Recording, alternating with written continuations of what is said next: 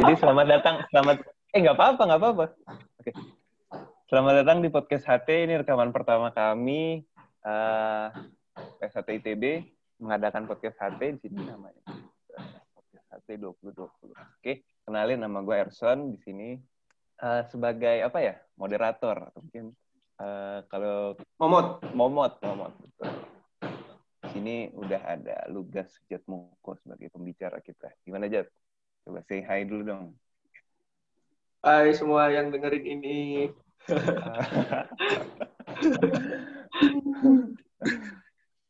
Halo teman-teman. Jangan lupa subscribe channel gua ya, Lugas underscore Sejat Moko, oke? Okay?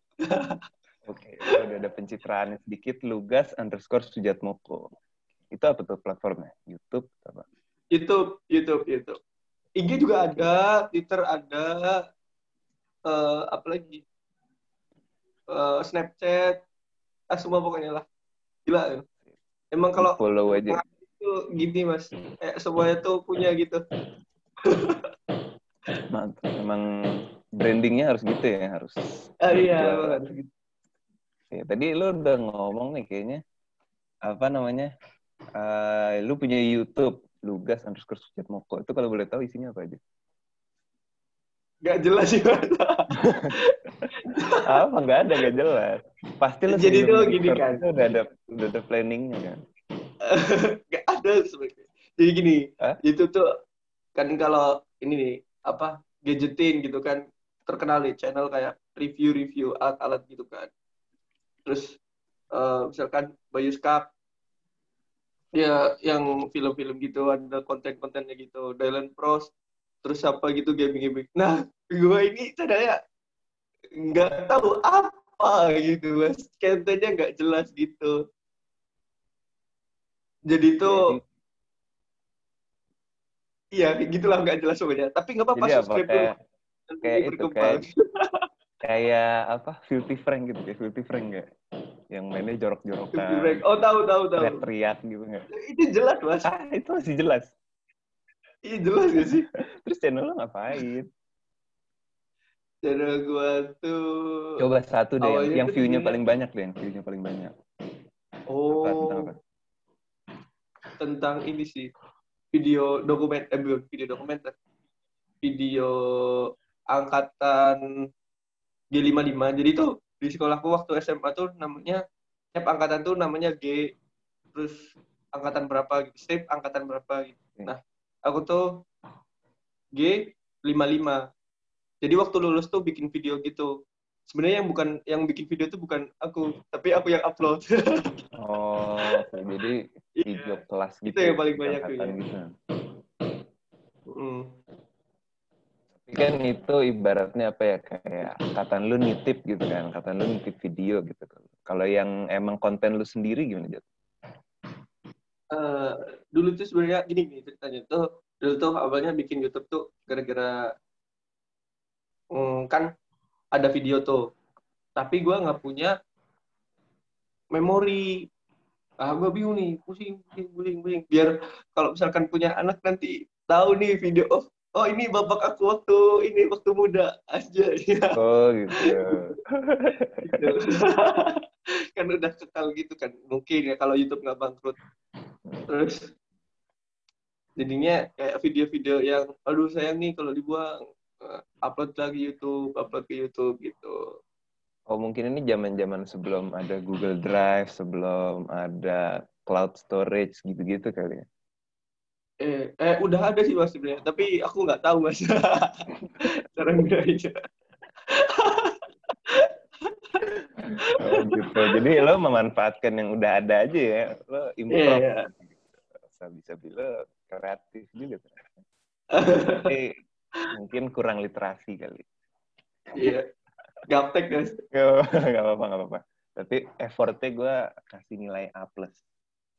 Oke. Okay. ya jadi jangan lupa subscribe dulu channel Lugas underscore Sujat Muko ya teman-teman. Nah, cucu-cucunya Sujat juga nanti kalau misalkan nonton video ini jangan lupa subscribe Lugas underscore Sujat Moko. Udah, kan, Bangga nanti. Ya, ini kakeknya udah capek-capek bikin-bikin video masa nggak ditonton kan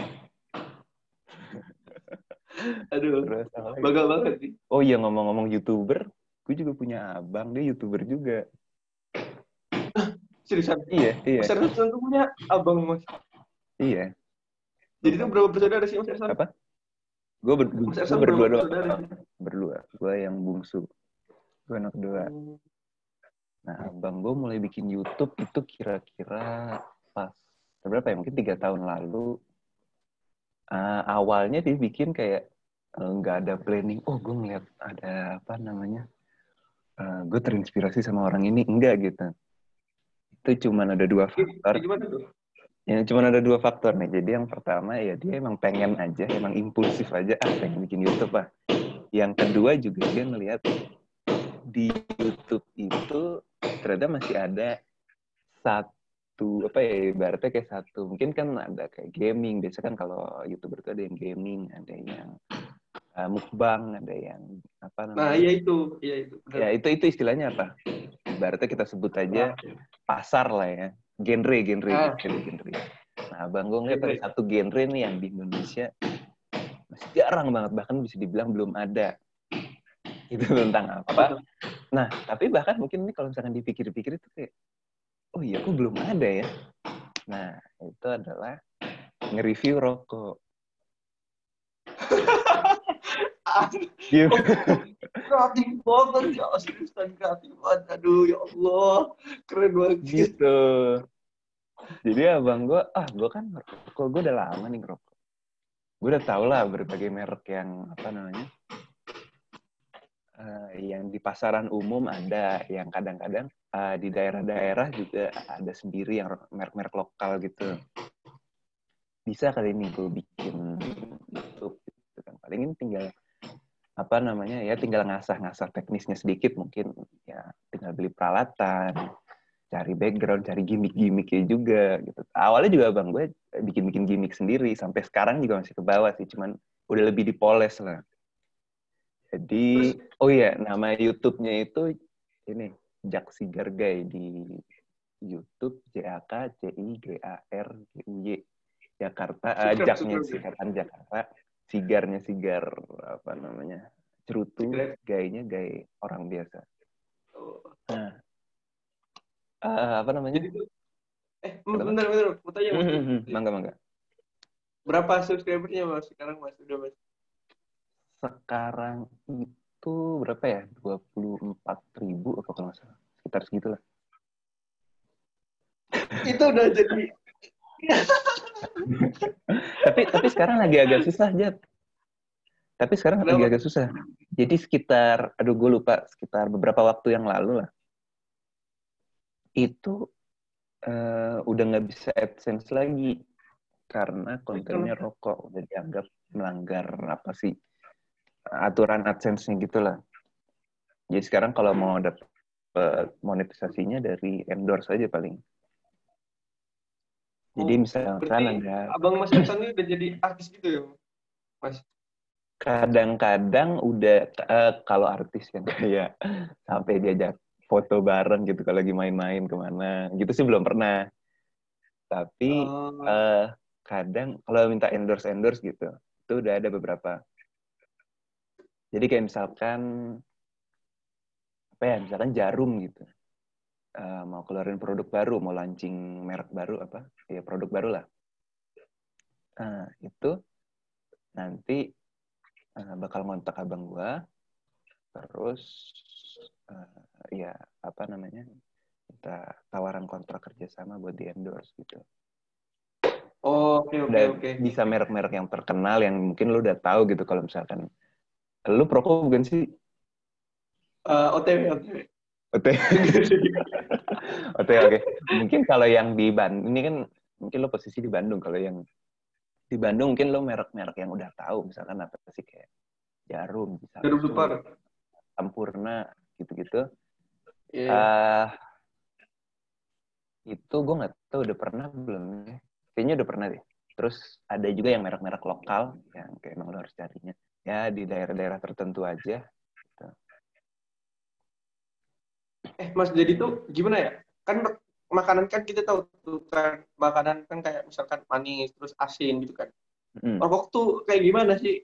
ya yang misalkan oh ini rokok di sini misalkan mana rokok mana rokok jadi gini jadi gini rokok Aduh, rokok itu nih, yang bronkitis gua ini nyeri gitu oh gini gini gini gini. Tadi lo sebut kan kayak makanan itu ada yang manis ada yang asin. Nah rokok juga sama. Karena rokok itu dia kan apa? Bahannya apa coba? Pertama yang Hmm. pasti kan ada kertasnya ya, kertas Mm-mm. linting itu. Si papir salah istilahnya. Terus ada tembakaunya.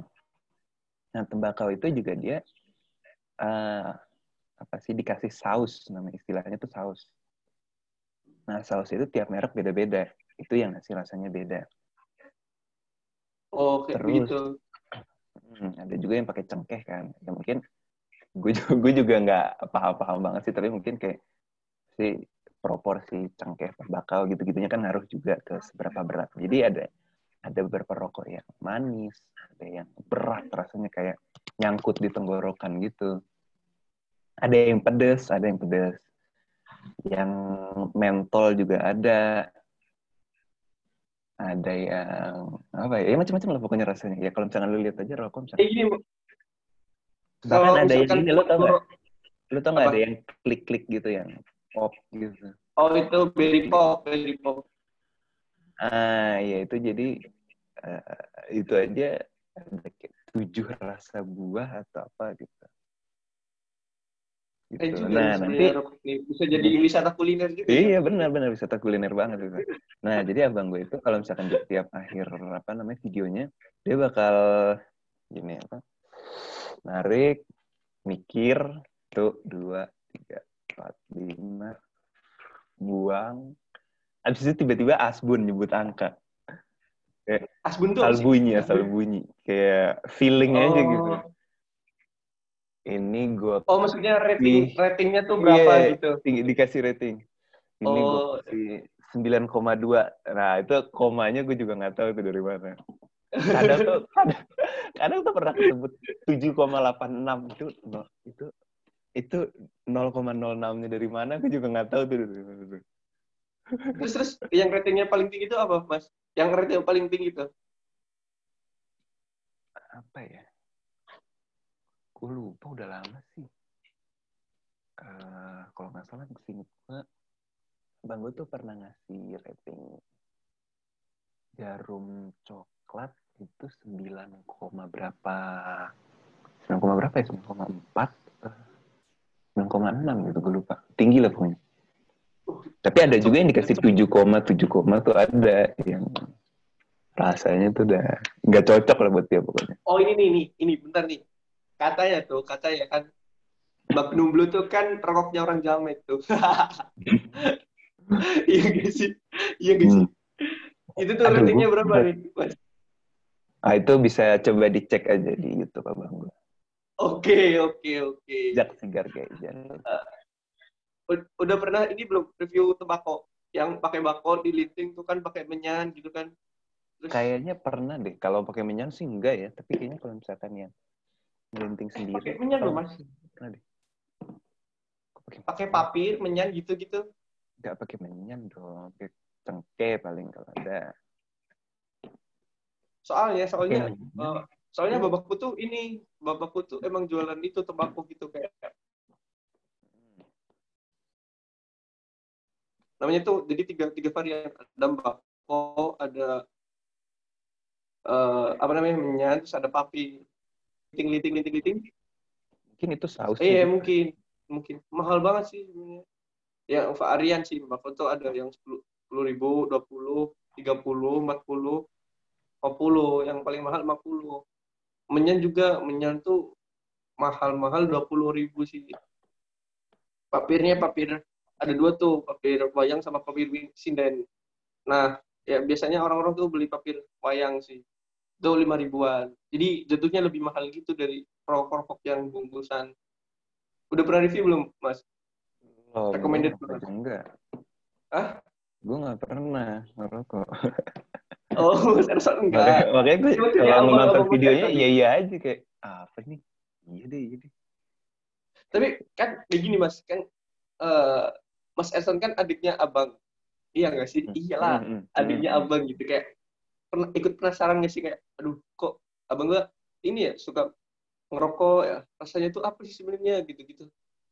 Terus nyobain nyobain. Gua kalau rokok pernah nyoba sekali. Tapi karena gue nggak tahu nariknya ya gue nggak tahu kayak gitu ya gue nggak tahu tuh tekniknya. Jadi gue ngerasa kayak oh iya benar-benar asap doang nih gue nggak suka gitu. Iya emang katanya tuh awal-awal emang kayak gitu kayak apa ya emang awal, teknik gue masih bisa, jelek aja sih. Iya. Tapi kalau udah bisa nagih aja terus apa namanya gue juga pernah nyoba sisa tapi itu pertama ya tadi gue juga cara narik yang nggak tahu. Terus yang gue rasain tuh kayak apa ya kayak makan permen gitu. Jadi gue merasa bersalah kan. Iya kan kalau sisa tuh rasa buah-buah gitu kan. Terus gue pikir kenapa nggak gue sekalian makan permen aja ya? Pak kan nggak ngerusak paru-paru tuh. Udah akhirnya gue nggak nggak terlalu tertarik. Ayo, gitu. banget. Apalagi ya guys kita itu kan tapi ini bagi aja. buat pendengar gue tidak men, gue tidak menjudge orang-orang yang ngerokok. Teman-teman gue banyak banget yang ngerokok. Kayak silahkan aja gitu kalau kalian ngerokok. Kalau misalkan ada masukan nih jangan lupa tonton Jak Sigar Gay buat cari merek-merek baru sabi sabi.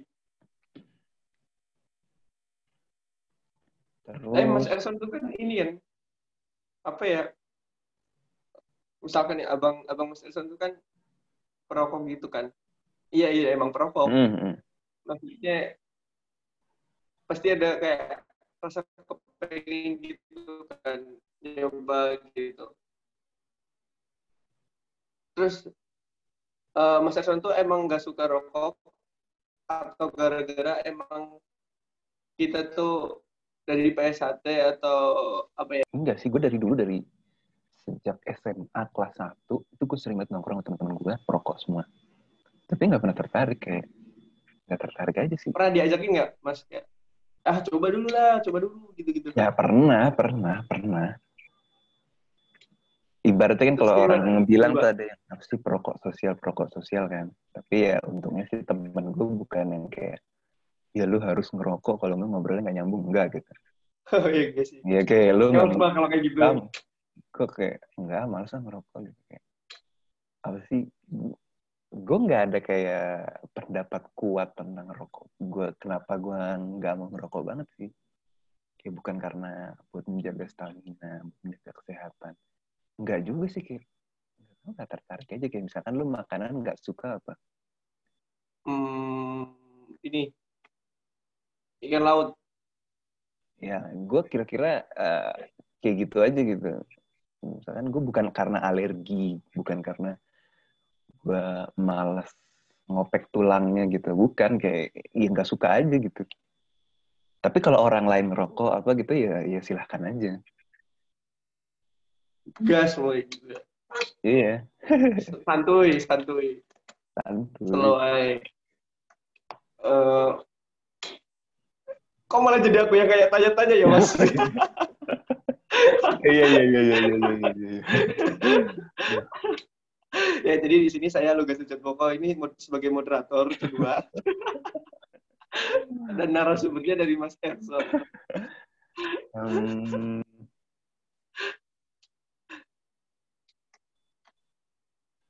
uh, eh ngomong-ngomong nih mas, mm gimana nih? Gimana Mas Arson dulu dah? Mungkin kalau topik sekarang itu yang lagi rame kan ini ya, apa namanya pemilu Amerika. Lo lagi ngikutin nggak? Apa namanya? Pemilu Amerika. Hmm, tahu dong sih mas tapi nggak nggak nggak terlalu tahu. Eh gimana ya? tahu tapi nggak terlalu tahu. Tahu tapi kalau di berita itu banyak gitu ya. Tapi uh, Mungkin pernah lihat headline sekali dua kali gitu. Uh. Ya, berarti itu juga ini ya kayak apa sih marketingnya gitu bahkan pemilu luar negeri kita sampai tahu gitu Se seberpengaruh itunya gitu oh iya benar benar benar luar negeri padahal ya mas iya. kita jauh banget pada di sini iya. tapi efeknya tuh bisa sampai ke negara-negara lain gitu. Iya, ikut ngurus kayak pemilu pemilu mana ya mungkin? Pemilu Turki gitu kita belum tentu tahu. Pemilu hmm. Meksiko kita belum tentu tahu kan. Tapi kalau pemilu Amerika ini hampir tiap kali kita tahu. Pas Obama eh Obama kejauhan kemarin Trump Clinton itu juga mungkin lo pernah dengar kali sekali dua kali iya yang sama cewek itu kan yang hmm. lawannya itu yang cewek hmm, hmm, hmm. hmm. ah iya tahu sih tahu doang ya seenggaknya kita pernah denger lah gitu ya uh -uh. Uh, apalagi ini deh mas kan mas Arsan tuh kan ini mas kayak kepikiran aja sih suka bela diri gitu kan hmm. terus apa aja yang gimana apa aja tuh yang mas Erson pernah cobain dari bela diri itu atau mas Erson tuh pernah kepikiran nggak kayak bikin YouTube bela diri gitu kan abang Mas Erson tuh kan bikin YouTube rokok gitu kan karena dia suka kan. Mas Erson tuh kan kayak uh, suka ini kan suka bela diri gitu. Kepikiran nggak sih? Uh, jadi kalau bela diri yang pernah gue ikutin ikutin ya, itu gue pertama kali mulai benar-benar memang dari startnya dari nol itu pas SMA kelas 1 gue ikut ini Aikido deket rumah. Itu juga apa namanya gue nggak terlalu sering karena seminggu gue cuma sekali uh, dan itu cuma satu tahun cuma masih kelas satu aja terus pas apa namanya pas SMA kelas 2 gue pernah ikut silat juga tapi alirannya bukan PSHT uh, eh, apa namanya itu ya setahun juga sama tapi yang kali ini gue dua kali seminggu jadi agak lebih sering Nah, sebenarnya kayak basic-basic silat gue itu uh, lebih apa namanya ya udah pernah dapet dari yang pas gue uh, SMA kelas 2 ini. Terus SMA kelas 3 gue enggak. Pas masuk kuliah baru gue masuk silat lagi. Jadi sebenarnya gue belum terlalu banyak juga pengalaman bela diri. Masih banyak banget lah butuh apa namanya butuh latihan tambahan. Uh, apa namanya? kalau tadi misalkan bikin YouTube itu aduh gue belum belum lah belum bisa lah kalau iya, misalkan kalau kayak tutorial gitu itu gue bisa bilang 100% yakin gue belum bisa tapi mungkin kalau misalkan cuman kayak bahas diskusi yang tentang topik-topik gitu ya itu mungkin masih bisa lah karena itu kan kayak gue paling dikritis dikritik tentang opini gue gitu kan bukan tentang teknik yang teknik gue gitu bukan tentang oh iya iya paham paham paham paham kalau gerakan gue masih masih jauh lah masih jauh lah kalau tentang opini ya mungkin gue masih bisa cari sana cari sini bisa ngeles sana ngeles sini gitu kan oh iya paham paham paham, paham. iya uh, oke okay, oke okay. Tapi gue kalau misalkan apa namanya kalau merhatiin itu uh, macam-macam. Uh, nah kalau merhatiin itu gue nonton uh, eh, UFC gue nonton, terus apa ya sumo waktu itu gue pernah nonton waktu itu gue pernah ngasih materi latihan kan sumo. Tapi itu sebenarnya itu iya lo gak ikut waktu itu. Gue pernah latihan ngasih pp ngasih presentasi tentang sumo oh iya iya tahu tahu tahu tahu tahu. Iya iya tahu. Ya. Nah jadi apa namanya? Hmm, ya dari bela diri itu banyak lah ininya banyak apa namanya banyak yang bisa dibahas. Soalnya pertama kayak apa ya uniknya dari bela diri itu soalnya dia ini kalau dikorek-korek dari masing-masing daerah itu pasti budayanya panjang. Soalnya dia beda dari kayak kenapa sepak bola, beda dari olahraga olahraga, lain. Misalkan sepak bola, tenis, basket. Ya mungkin ada lah sumbangan itu pasti ada kan mungkin. Uh, apa namanya? Uh, kayak misalkan atlet eh tapi jangan lari deh. Misalkan yes misalkan sepak bola dulu bahan bolanya tuh dari kulit sekarang udah lebih canggih dari apa gitu mungkin hmm. rumputnya juga lebih gimana mungkin perkembangan stadionnya gimana tapi kalau uniknya dari bela diri itu Eh, selalu ya sejarah bela diri itu bukan bukan hiburan, tapi memang kebutuhan. Gitu kayak silat misalkan. Silat itu dia rata-rata uh, dikembangkan buat uh, memang apa namanya kebutuhan bela diri tangan kosong misalkan kita perang gitu kan. Misalkan uh, kerajaan hmm. perang senjatanya dia lepas senjatanya hilang misalkan punya tombak tombaknya dilempar atau diambil dia harus tetap bisa bertahan hidup pakai tangan kosong. Kurang lebih begitu. Terus misalkan kayak silat mungkin di perkampungan bisa buat uh, melawan bandit atau apa gitu kan ya, buat pertahanan bela diri aja terus misalkan apa lagi ya kungfu kungfu kungfu itu gue gue kurang tahu kalau misalkan gue salah uh, tolong dikoreksi tapi setahu gue ya itu kan uh, apa sih dikembangkan oleh biksu-biksu Shaolin gitu kan itu tuh hmm. kayak emang buat apa ya kayak emang buat pengembangan diri mereka gitu kayak gimana supaya bisa fisik mereka juga jalan selain mereka kan kayak spiritualnya gitu gitu sering meditasi gitu gitu kan buat ngembangin spiritualnya. Nah, dari segi fisiknya juga gimana supaya itu bisa jalan gitu. Terus kayak apa ya? Karate, karate itu dia karate itu dari Pulau Okinawa. Karate itu dipopulerinnya dari Pulau Okinawa. Jadi dulu uh, kaisar Jepang itu sempat mau ibaratnya kayak belusukan lah ke Pulau Okinawa kan. Terus kayak panitia-panitia Pulau Okinawa ini bingung nih, aduh kita kasih apa ya, kita kita sediain apa ya. Nah akhirnya dibikin pertunjukan karate itu. Jadi ahli-ahli bela diri di sana yang udah ngembangin uh, bela diri itu dikumpulin, terus dikasih, disuruh kasih pertunjukan. Akhirnya mereka ngembangin namanya kata.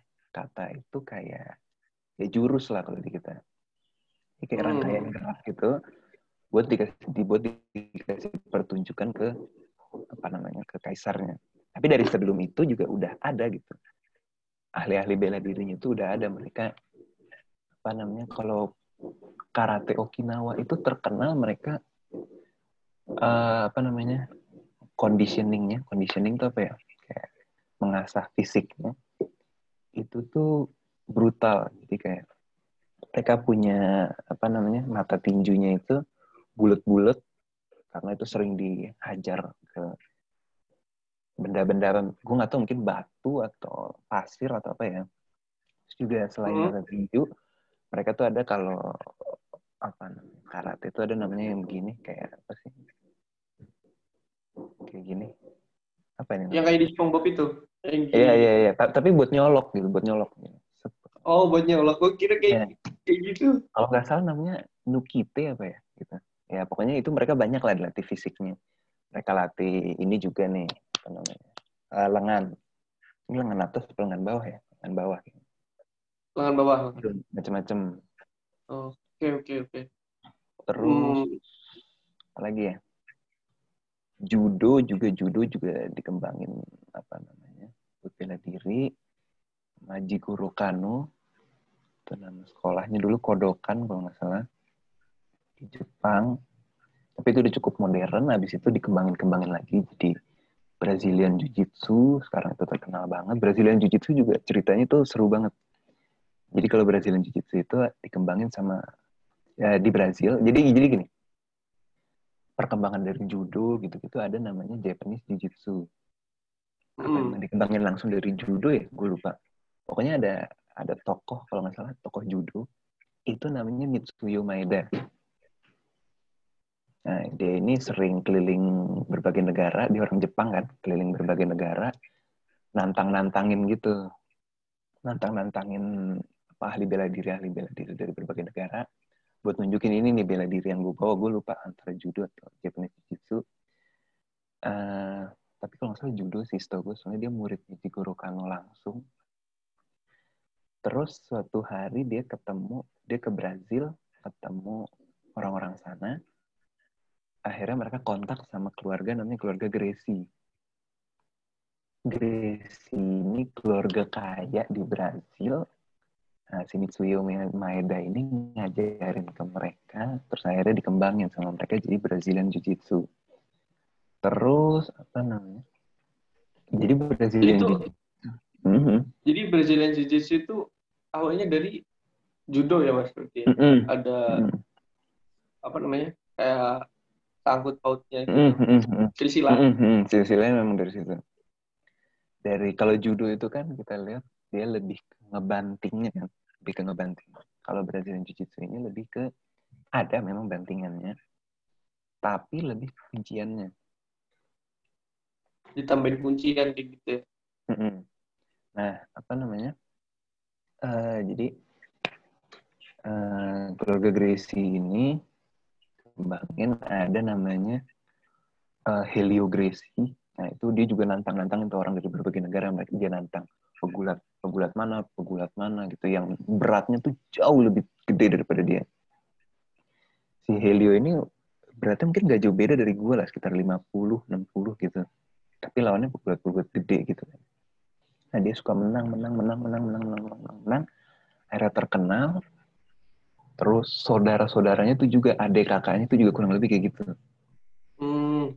dia nguasain Brazilian Jiu-Jitsu ini. Nah terus akhirnya gini dia udah punya nama kan udah terkenal kan. terus dia masuk UFC 1 ya satu tuh gimana maksudnya mas? Nah jadi kan sekarang kalau misalkan lu lihat misalkan Habib kemarin main gitu. Itu UFC 250 berapa ya? 254 atau 53 gue lupa. Nah itu tuh memang jadi misalkan kemarin anggaplah 253 ya 253 ntar abis itu main 254 itu 255 jadi memang itu tuh dinomorin. Nah yang satunya itu itu kan runut gitu kan angkanya kan. Satunya itu tuh udah aduh gue lupa tahun berapa ya. 50 60 70 80 ya. Gue udah lupa lah pokoknya 19 berapaan gitu. Uh, oke lah tahun nggak penting lah pokoknya udahlah uh, uh, dari cucunya cucunya Helio Gracie ini yang tadi namanya aduh cucu apa anak ya?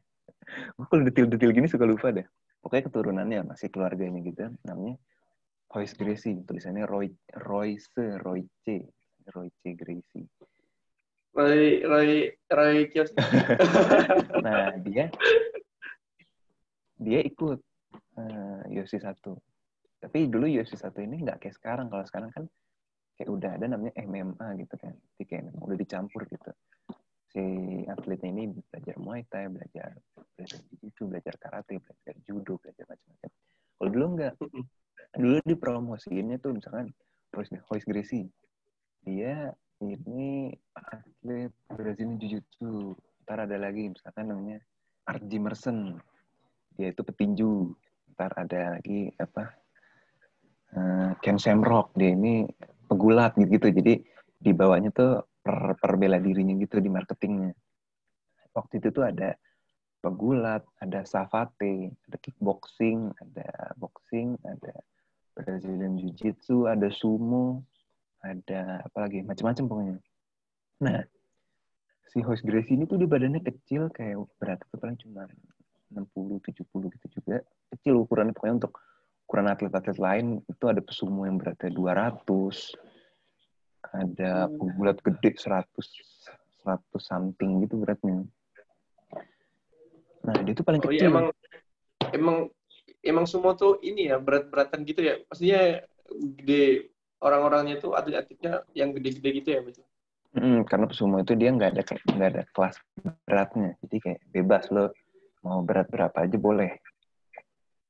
Nah, dari situ si Hoyt Gracie ini ternyata dia lah yang menang.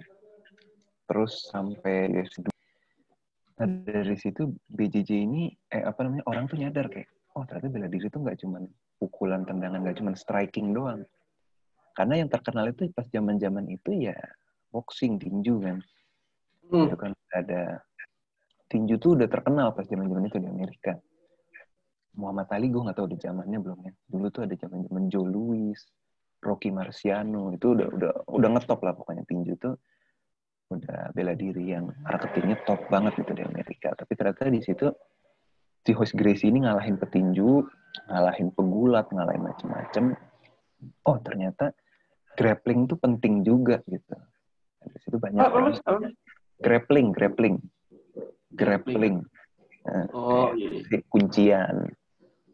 Uh, apa kuncian banting gitu. Itu ternyata penting juga nah dari situ keluarga Gracie itu kayak wah udah disembah banget deh. Kayak udah pokoknya BJJ itu udah paling ngetop banget deh. Sampai ada uh, itu nggak itu nggak cuma terbatas di Voice Gracie doang ya. Keluarga keluarga hmm. Gracie yang lain tuh juga ngetop gitu. Nah sampai uh, mereka itu ketemu pegulat Jepang namanya Kazushi Sakuraba. Pertama dia apa namanya gue lupa ngalahin siapa gitu ada namanya siapa Gracie tapi bukan Hoist. Dia ngalahin pegula apa namanya dia ngalahin. Tekniknya itu ada namanya uh, bahasa Jepangnya gue lupa tapi bahasa umumnya itu istilahnya kimura. Jadi tangannya kayak ditekuk ke belakang gitu tek ini sampai tap out maksudnya tap out. Nah sampai apa? tap out tap out sampai nepok oh, gitu. Hmm. oh iya, iya, iya. Terus apa namanya? Pertama dia ngalahin satu Gracie terus kayak keluar di Gracie lain pengen balas dendam dong dibantai lagi. Sampai tiga apa empat orang lah gitu. Akhirnya sampai dia dijulukin The Gracie Hunter. Oh jadi itu The Gracie-nya itu kalah gitu ya kan dia kalah terus dia uh. nantangin lagi terus habis itu udah sampai beberapa kali dia tetap kalah gitu ya Ya, si Sakuraba ini menang terus menang terus lawan keluarga-keluarga Gracie ini. Nah, akhirnya sampai sejak apa sejak itu kayak apa ya ibarat itu uh, era agresi itu udah selesai gitu. Karena udah dibantai sama satu orang ini. Ternyata dari situ juga kelihatan oh ternyata gulat itu bisa juga gitu ngalahin Presiden Cici. Jadi uniknya bela diri, perkembangan bela diri yang modern itu kayak kelihatan terus gitu. Ada aja hmm. satu bela diri yang kelihatan itu mendominasi. Ternyata Eh, dibuktikan ada ada ada jawabannya gitu karena kalau apa namanya bela diri profesional gitu lo sekali main gitu ntar musuh lu selanjutnya bakal nggak analisis permainan lu. Mereka latihan sesuai apa cara main lo hmm, misalkan kayak oh lu sering ngebanting nih. Ntar kita latihan gimana cara supaya uh, uh, atlet gue supaya gue ini eh, nggak uh, gampang dibanting misalkan gitu. Strateginya gimana? Mungkin uh, jaga jarak pakai jab terus gitu. Atau misalkan gimana lah ada cara-cara lainnya gitu. oh iya, Jadi iya kayak, paham, paham. kayak selalu berkembang terus sampai sekarang juga masih. Kayak juara-juara yang udah dominan sekarang gitu. Tiba-tiba kalah karena udah ketahuan cara mainnya gimana. Terus habis itu dia kalah kalah kalah kalah. Terus padahal dulu menang terus karena ketahuan oh ternyata cara buat ngelawan si orang ini tuh diginin aja gitu. Terus yang lain lawan-lawan selanjutnya ngikutin gitu. Oh udah pakai rumus oh. gini aja gitu berarti kayak ini ya apa namanya eh, nggak uh, selalu mendominasi gitu kayak Liga Inggris. Iya iya iya bisa, bisa bilang gitu karena uh, lebih ke skill individual pemain kan daripada kayak kalau misalkan yeah. Liga Premier gitu kan oh, kita bisa transfer bisa terus cari karena pemain emang, berbakat anu kan. Ya. karena emang Liga Inggris tuh nggak apa ya nggak bisa ditentuin ini tuh bakal menang lah ini bakal apa? Tiba-tiba aja yang udah dikatain menang kalah keon langsung. Sama berarti kayak ini kayak bela diri gitu ya mas ya? Berarti berarti kemungkinan semakin lama itu bela diri itu semakin canggih gitu ya mas ya? Betul. lebih apa ya lebih lebih lebih gimana ya tapi tapi strategi mana tahun nggak pernah kalah sama kayak Habib itu dia dia juara nggak 10 tahun sih tapi 29 ya? 29 uh. itu juga lawannya ya nggak semuanya top top sih tapi uh, mungkin sekitar empat lah empat lawan belakangan ini tuh top semua. Dustin Poirier McGregor terus siapa lagi sih? Kemarin tuh Justin Gaethje. Kemarin yang baru Gaethje Justin Gaethje. Itu top itu top semua tuh. Tapi sama sama dia nah Habib ini tuh dia hebatnya. Dia cara main itu selalu kayak gitu. Orang-orang tuh udah punya strategi gini gitu gini gitu gitu buat buat ngelawan buat ngelawan dia. Tapi nggak ada yang pernah berhasil sukses ngelawan uh, strateginya si Habib ini jadi kalau gue lihat sih Habib tuh ini kan kayak apa namanya strateginya apa ya dorong gitu kan kayak sampai pojok terus nanti dikunci-kunci gitu kan. Ya kan betul betul. Betul betul. Betul jadi dia tuh spesialis uh, di bawah kan. Dia itu teknik khusus dia itu namanya namanya leg entanglement. Jadi kalau lu perhatiin misalkan dia di bawah itu dia nggak cuma sebatas ngedorong doang di bawah itu kalau lu lihat dia tuh kakinya kaki lawan itu kayak di, di apa ya di diikat-ikat gitu. Jadi lawannya tuh nggak punya nggak seimbang gitu. Di bawah pun nggak seimbang. Dia terpaksa kedorong lawannya. Ntar dari situ udah ditekan terus sampai dia di pressure terus dan sampai apa, bisa dipukulin bisa dikunci gitu. Nah tapi iya, juga dia lawannya kan kayak petinju-petinju. Dia di apa dia dia strikingnya meskipun jauh lah skillnya kalau dari yang lain tapi itu cukup bisa ngimbangin gitu lawan-lawan yang kayak McGregor, Gaethje itu tuh petinju boxing pada mereka itu style. Oh, Iya iya iya. iya. Jadi jadi tahu nih, gue mas kayak ya ternyata kayak begini gitu. Apa namanya bela diri yang semakin apa semakin tahun semakin maju semakin uh, semakin bagus juga gitu kan kayak mengikuti perkembangan zaman gitu. Terus nih mas, pertama menarik nih mas. Fakta menarik katanya Mas Ersan tuh kan waktu SMA pernah banding orang, Mas. ya, itu Mas Paring Itu pakai teknik apa tuh, Mas? Bantingan biasa.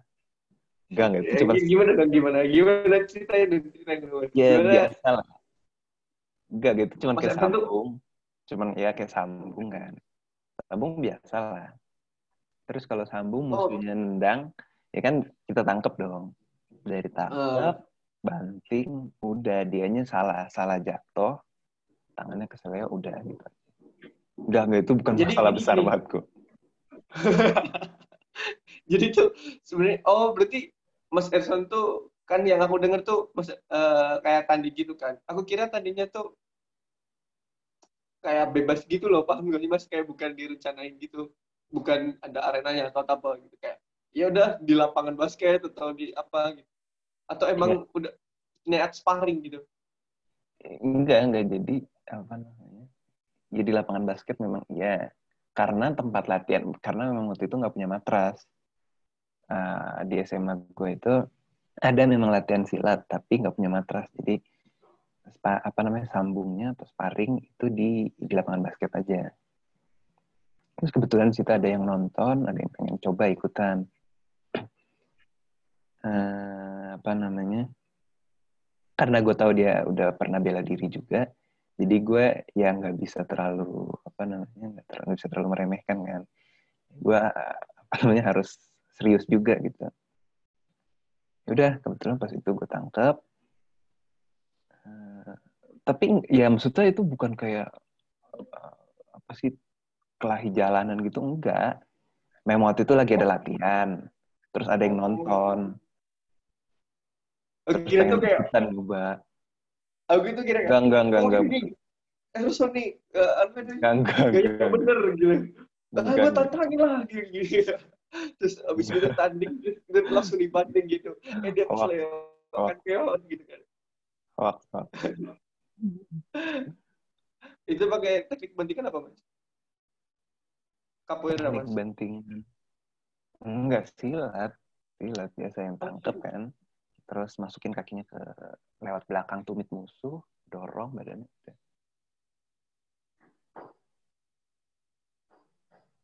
Terus anaknya gimana mas? Biasa. Maksudnya nggak apa-apa. Anaknya tuh gimana? Sehat-sehat aja kan? Aman kan? Aman. Ya, tangannya pas jatuh dia agak agak salah. Ya. Itu tuh enggak, enggak itu tuh ditonton Selain. itu tuh ditonton satu SMA apa dua SMA? Eh, maksudnya yang nonton tadi kapan? Temen gue juga itu.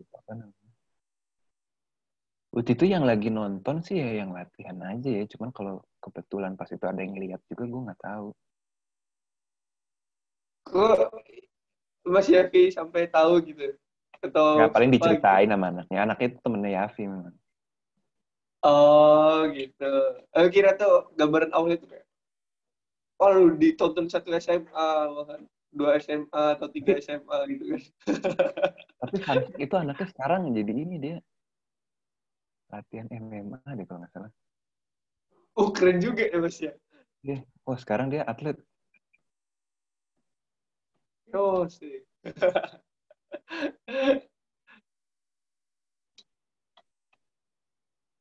Eh gimana mas ini mas? Aku moderator. halo, halo, halo. Halo. Halo, halo, Nih, sorry nih, lagi asik ya. Kayaknya nggak bisa lama-lama sih, kuota aku hampir habis soalnya.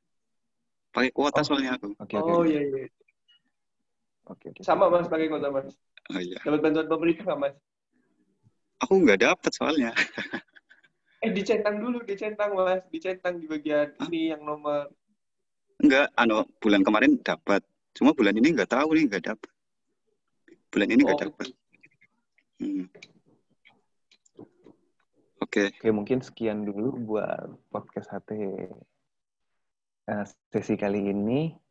Terima kasih buat Sujat dan nemenin kita ngobrol. Terima kasih juga buat Sehu udah fasilitasi ya. Aduh, Uh, sekian, terima kasih buat pemirsa-pemirsa yang udah nonton dan dengerin. Jangan lupa ini subscribe. Kita punya podcast HP-nya. Jangan lupa juga subscribe buat pembicara kita. Lugas subscribe. Jangan lupa juga subscribe YouTube Abang gua. Ini kebanyakan subscribe nih. Uh, udah bebas lah pokoknya buat pendengar mau subscribe juga enggak uh, mau subscribe boleh enggak juga nggak apa-apa lah dislike juga boleh loh dislike Jangan di Oke, okay, stay tune buat next time. Apa nih salam perpisahannya?